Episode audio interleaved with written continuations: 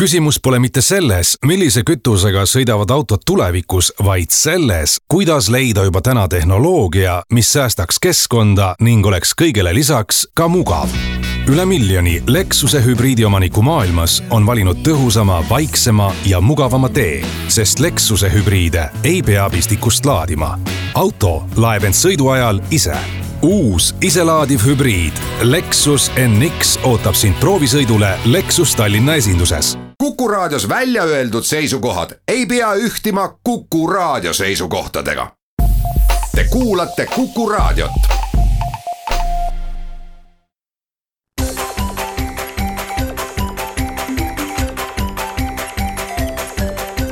maksumaksja koostöös Eesti Maksumaksjate Liiduga. tere päevast, eetris on saade Maksumaksja. mikrofoni ees on Lasse Lehis. Täna on põhjust rääkida tuludeklaratsioonidest, sellepärast et äh, algab taas tulude deklareerimise aeg. viieteistkümnes veebruar on see maagiline kuupäev, millal liinid avatakse ja seekord tundub, et äh, jääb see paljudele maksumaksjatele viimaseks tulude deklareerimiseks, mis on väga meeldiv protseduur olnud, kuna sellele on järgnenud maksutagastus. Tõesti on meid ees ootamas äh, suurem maksureform ja väga palju on sellest räägitud, kuidas meil maksuvaba tulu uuel aastal arvutada tuleks. nüüd on siis aeg ehk väike tagasivaade või suisa nekroloog teha vanale tulumaksusüsteemile, sest nüüd tõesti me teeme viimast korda kokkuvõtteid aastast kaks tuhat seitseteist ja deklareerime oma tulud ja kulud nende seaduste järgi, mis eelmisel aastal kehtisid. ja mõningate mööndustega eh, siiski kehtib veel see valem, mis kogu varasema perioodi meil Eestis on olnud, et tugevalt rohkem kui üheksakümmend protsenti tuludeklaratsioonide esitajatest saab rõõmusõnumi osaliseks ja saab tulumaksu tagasi, rohkem või vähem. mul ei ole tõesti infot, kui kiiresti nüüd maksuamet sellel aastal inimesi kavatseb rõõmustada, aga võib arvata, et vanast harjumusest inimesed tormavad esimestel päevadel, esimestel tundidel, esimestel sekunditel üksteise võidu neid deklaratsioone esitama või pigem ehk öelda, et kinnitama, sest valdavalt on ju eeltäidetud andmetega tegemist millele suurem osa inimesi midagi omalt poolt juurde ei pea. Lisama, et on paar kiiret klõpsu vaja ära teha ja jääda ootama siis ja võrrelda, kui palju siis sellel aastal tagasi sai võrreldes eelmise või üle-eelmise aastaga, kui keegi seda mäletab. kui ei mäleta, siis saab e-maksuametist järgi vaadata. ja arvutuskäiku, kui suur tagastus või juurdemakse sellel aastal on, on ka loomulikult kohe pärast deklaratsiooni kinnitamist äh, näha sellest, mis järgmisel aastal saab teistmoodi, ei ole mõtet praegu rääkida. Äh, raske on isegi ennustada, kui palju võiks olla nüüd neid inimesi, kes hakkavad tulumaksu tõepoolest juurde maksma. kui palju on neid, kes saavad tulumaksu tagasi, kui palju vähem nad saavad tagasi.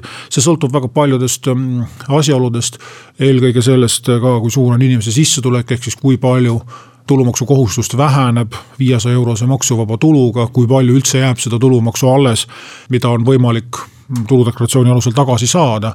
väga väikeste sissetulekute puhul, kui, kui tulud on, ongi viiesaja euro ringis või, või natuke üle selle, eh, siis võib juhtuda, et ka inimese maksukoormus tervikuna eh, nii väga ei, ei muutugi, lihtsalt varem peeti tal tulumaks iga kuu kinni ja aasta lõpus sai ta suure osa sellest äh, tagasi, kas siis äh, laste äh, eest või koolituskulude või eluasemelaenu intresside tagastuse kaudu.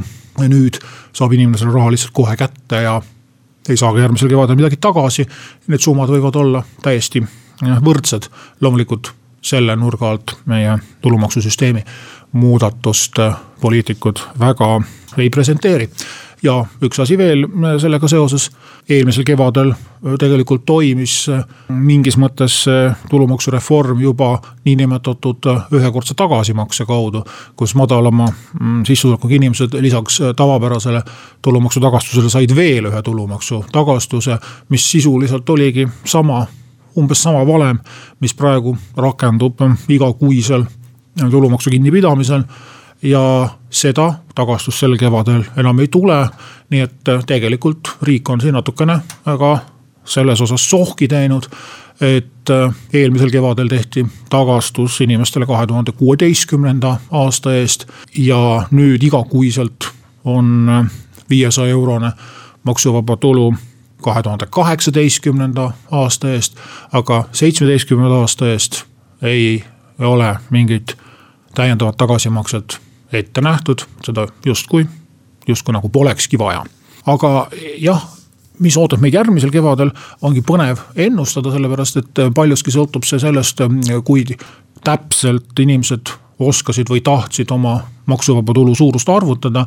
ehk siis väga suureks komponendiks, otsustavaks komponendiks ei saa enam mitte see, kui palju kellelgi on eluasemelaenu mitme lapse eest lasteaiamakse on makstud, vaid just see, et kuidas on siis kirjutatud maksuvaba tulu avaldus, kui täppi või, või mööda sellega läks, nii et täiesti uued tundmatud komponendid tulevad sisse.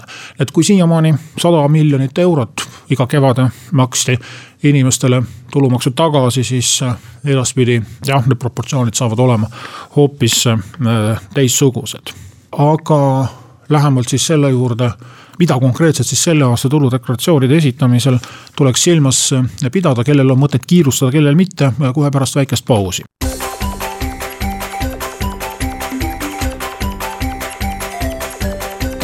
maksumaksja koostöös Eesti Maksumaksjate Liiduga saade Maksumaksja jätkab ja täna räägin sellest, et kahe tuhande seitsmeteistkümnenda aasta tuludeklaratsioone on aeg hakata esitama. ja see on veel viimane kord nii-öelda vana süsteemi järgi, kuid ka siin on juba mõned muudatused, mis tehti seaduses küll selle viiesaja eurose maksuvaba tulu reformi nii-öelda kaasnähtusena. aga nad kehtivad juba kahe tuhande seitsmeteistkümnenda aasta kohta ja nendega tuleb juba arvestada, nii et see hea pool, rohkem raha kätte, see tuli sel aastal, aga mõned nii-öelda ärakorjamised tehti juba aasta varem ja puudutab see eelkõige eluasemelaenu intresse ja abikaasade ühisdeklaratsioone. tuletades siis äh, kõigepealt meelde, millised on need äh, soodustused, mida tuludeklaratsioonis deklareerida saab ja mis siis annavad võimaluse kevadeti tulumaksu tagasi saada. Need on siis lapsevanematel alates teisest lapsest niinimetatud täiendav maksuvaba tulu. ehk see ei ole seotud konkreetsete kuludega, vaid on lihtsalt lapse pealt arvestatav, siis äh, sada viiskümmend neli eurot äh, kuus alates teisest äh, lapsest ja lapsed peavad olema alla kaheksateist aasta vanused. see mahaarvamine säilib, eluasemelaenu intressid, seda mahaarvamist on piiratud ainult kolmsada eurot aastas, eelmisel aastal võis seda teha veel kuni tuhat kakssada eurot, nüüd ainult kolmsada eurot ühe inimese kohta. ehk siis maksimaalne tulumaksu tagastus saab olla kuuskümmend eurot. Äh, muud mahaarvamised lisaks eluasemelaenu intressidele on koolituskulud. siia lähevad lasteaia kohatasud, huviringid, tasulised kõrgkoolid, äh, kõikvõimalikud haridusega seotud mm, teenustasud. Äh, neid saab teha siis koos eluasemelaenu intressidega tuhat kakssada eurot. lisaks annetused heategevatele organisatsioonidele, samuti peavad mahtuma selle tuhande kahesaja euro sisse. Ja eraldi on kolmanda samba pensionisamba sissemaksed kuus tuhat eurot aastas, aga mitte rohkem kui viisteist protsenti sissetulekust. Ja mis siis äh, muutus, nagu äh, sai siis juba mainitud, eluasemelaenu intresside mahaarvamine on oluliselt kärbitud ja suurem osa inimesi ilmselt äh, ka näeb siis väiksemat tulumaksu tagastust just selle muudatuse tõttu. teine ja nüüd märksa märksa keerulisem on abikaasadega seonduv, seda ühe lausega ära ei seleta. nimelt siis ühist deklaratsiooni kui sellist enam ei ole. iga abikaasa äh, deklareerib oma tulud eraldi, nii et tulude pool on alati ja igal juhul lahus. see, kes tulu sai, kelle nimel raha on välja makstud, see ka oma tuludeklaratsioonis seda deklareerib. tulevikus on see mõtlemise koht, kui tehakse müügitehinguid, näiteks müüakse kinnisvara, mis läheb maksustamisele, siis kas see on nüüd ühe abikaasa tulu, on see mitme abikaasa tulu, kuidas seda omavahel jagada. sellest võivad maksukohustused edaspidi päris palju sõltuda.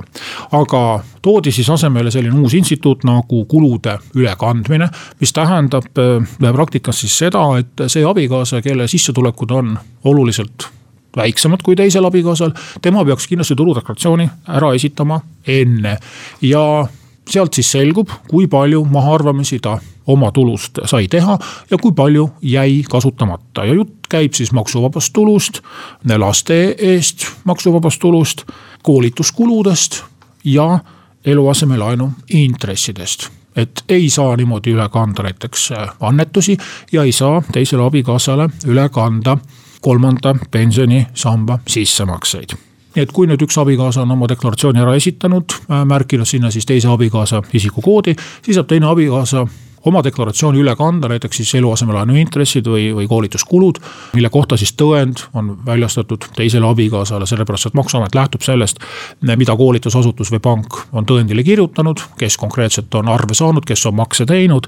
suvaliselt neid ühelt inimeselt teisele üle kanda ei saa, seal peab olema omavaheline kirjalik kokkulepe, näidata raha liikumist, see ei ole sugugi lihtne aga lisaks on nüüd mitmeid piiranguid.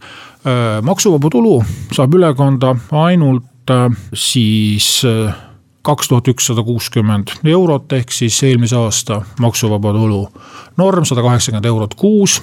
nii palju, kui siis teisel abikaasal on seda jäänud kasutamata, aga see õigus on ainult sellisel juhul, kui kahe abikaasa aastane kogutulu ei ületa viiskümmend tuhat nelisada eurot. eks see on siis see maagiline kaks tuhat ükssada eurot kuus, noh korrutatuna siis kahe abikaasa ja kaheteistkümne kuuga ehk kakskümmend neli korda kaks tuhat ükssada. sellest suurema kogutulu puhul ei ole maksuvaba tulu ülekandmise õigust, nii et siin juba aastal kaks tuhat seitseteist toimib see mitteastmeline, astmeline tulumaks, ehk siis teatud sissetuleku piirist alates maksusoodustust ei saa rakendada. ja teisel juhtul, mis puudutab nüüd äh, kulude ülekandmist, on veel üks äh, lisapiirang, nimelt varaühisus.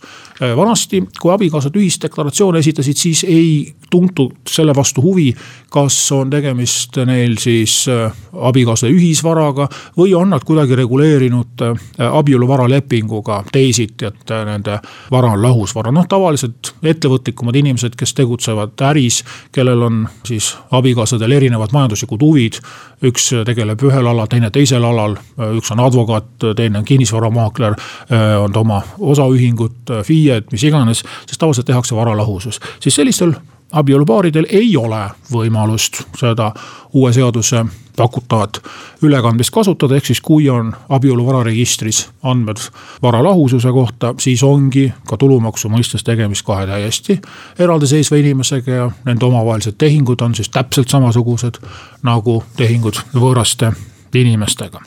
üks muudatus puudutab ka laste maksuvaba tulu Äh, mahaarvamist, äh, siiamaani said seda teha ainult äh, nii-öelda päris lapsevanemad. aga nüüd siis on lubatud abielus olevate isikute puhul siis teha mahaarvamist ka abikaasa laste eest, ehk siis kui abikaasal on eelmisest abielust või kooselust laps, keda nüüd siis kasvatab, kasvatab ta koos kasuvanemaga ja kui nüüd abikaasal endal abielus oleval lapsevanemal endal ei ole seda maksuvaba tulu mahaarvamise võimalust ja lahutatud siis teine lapsevanem ka seda võimalust ei saa kasutada või ei taha kasutada. siis nüüd saab ka siis kasuisa või kasuema teise abikaasa lapse eest selle sada viiskümmend neli eurot kuus ehk tuhat kaheksasada nelikümmend kaheksa eurot aastas oma tuludeklaratsiooni kanda, et see on nüüd üks äh, muudatus, mis siis aastal kaks tuhat seitseteist on siis soodustuste kasutamist laiemaks teinud, ehk siis kus on võimalik võrreldes varasemate aastatega rohkem tulumaksu tagasi saada, kõik muud muudatused, nagu me nägime, olid piiravat laadi. ja soovin kõigile edu tulude deklareerimisel ja loodame siis kiiret tagastust. tänan kuulamast, kohtume uue teemaga järgmisel nädalal.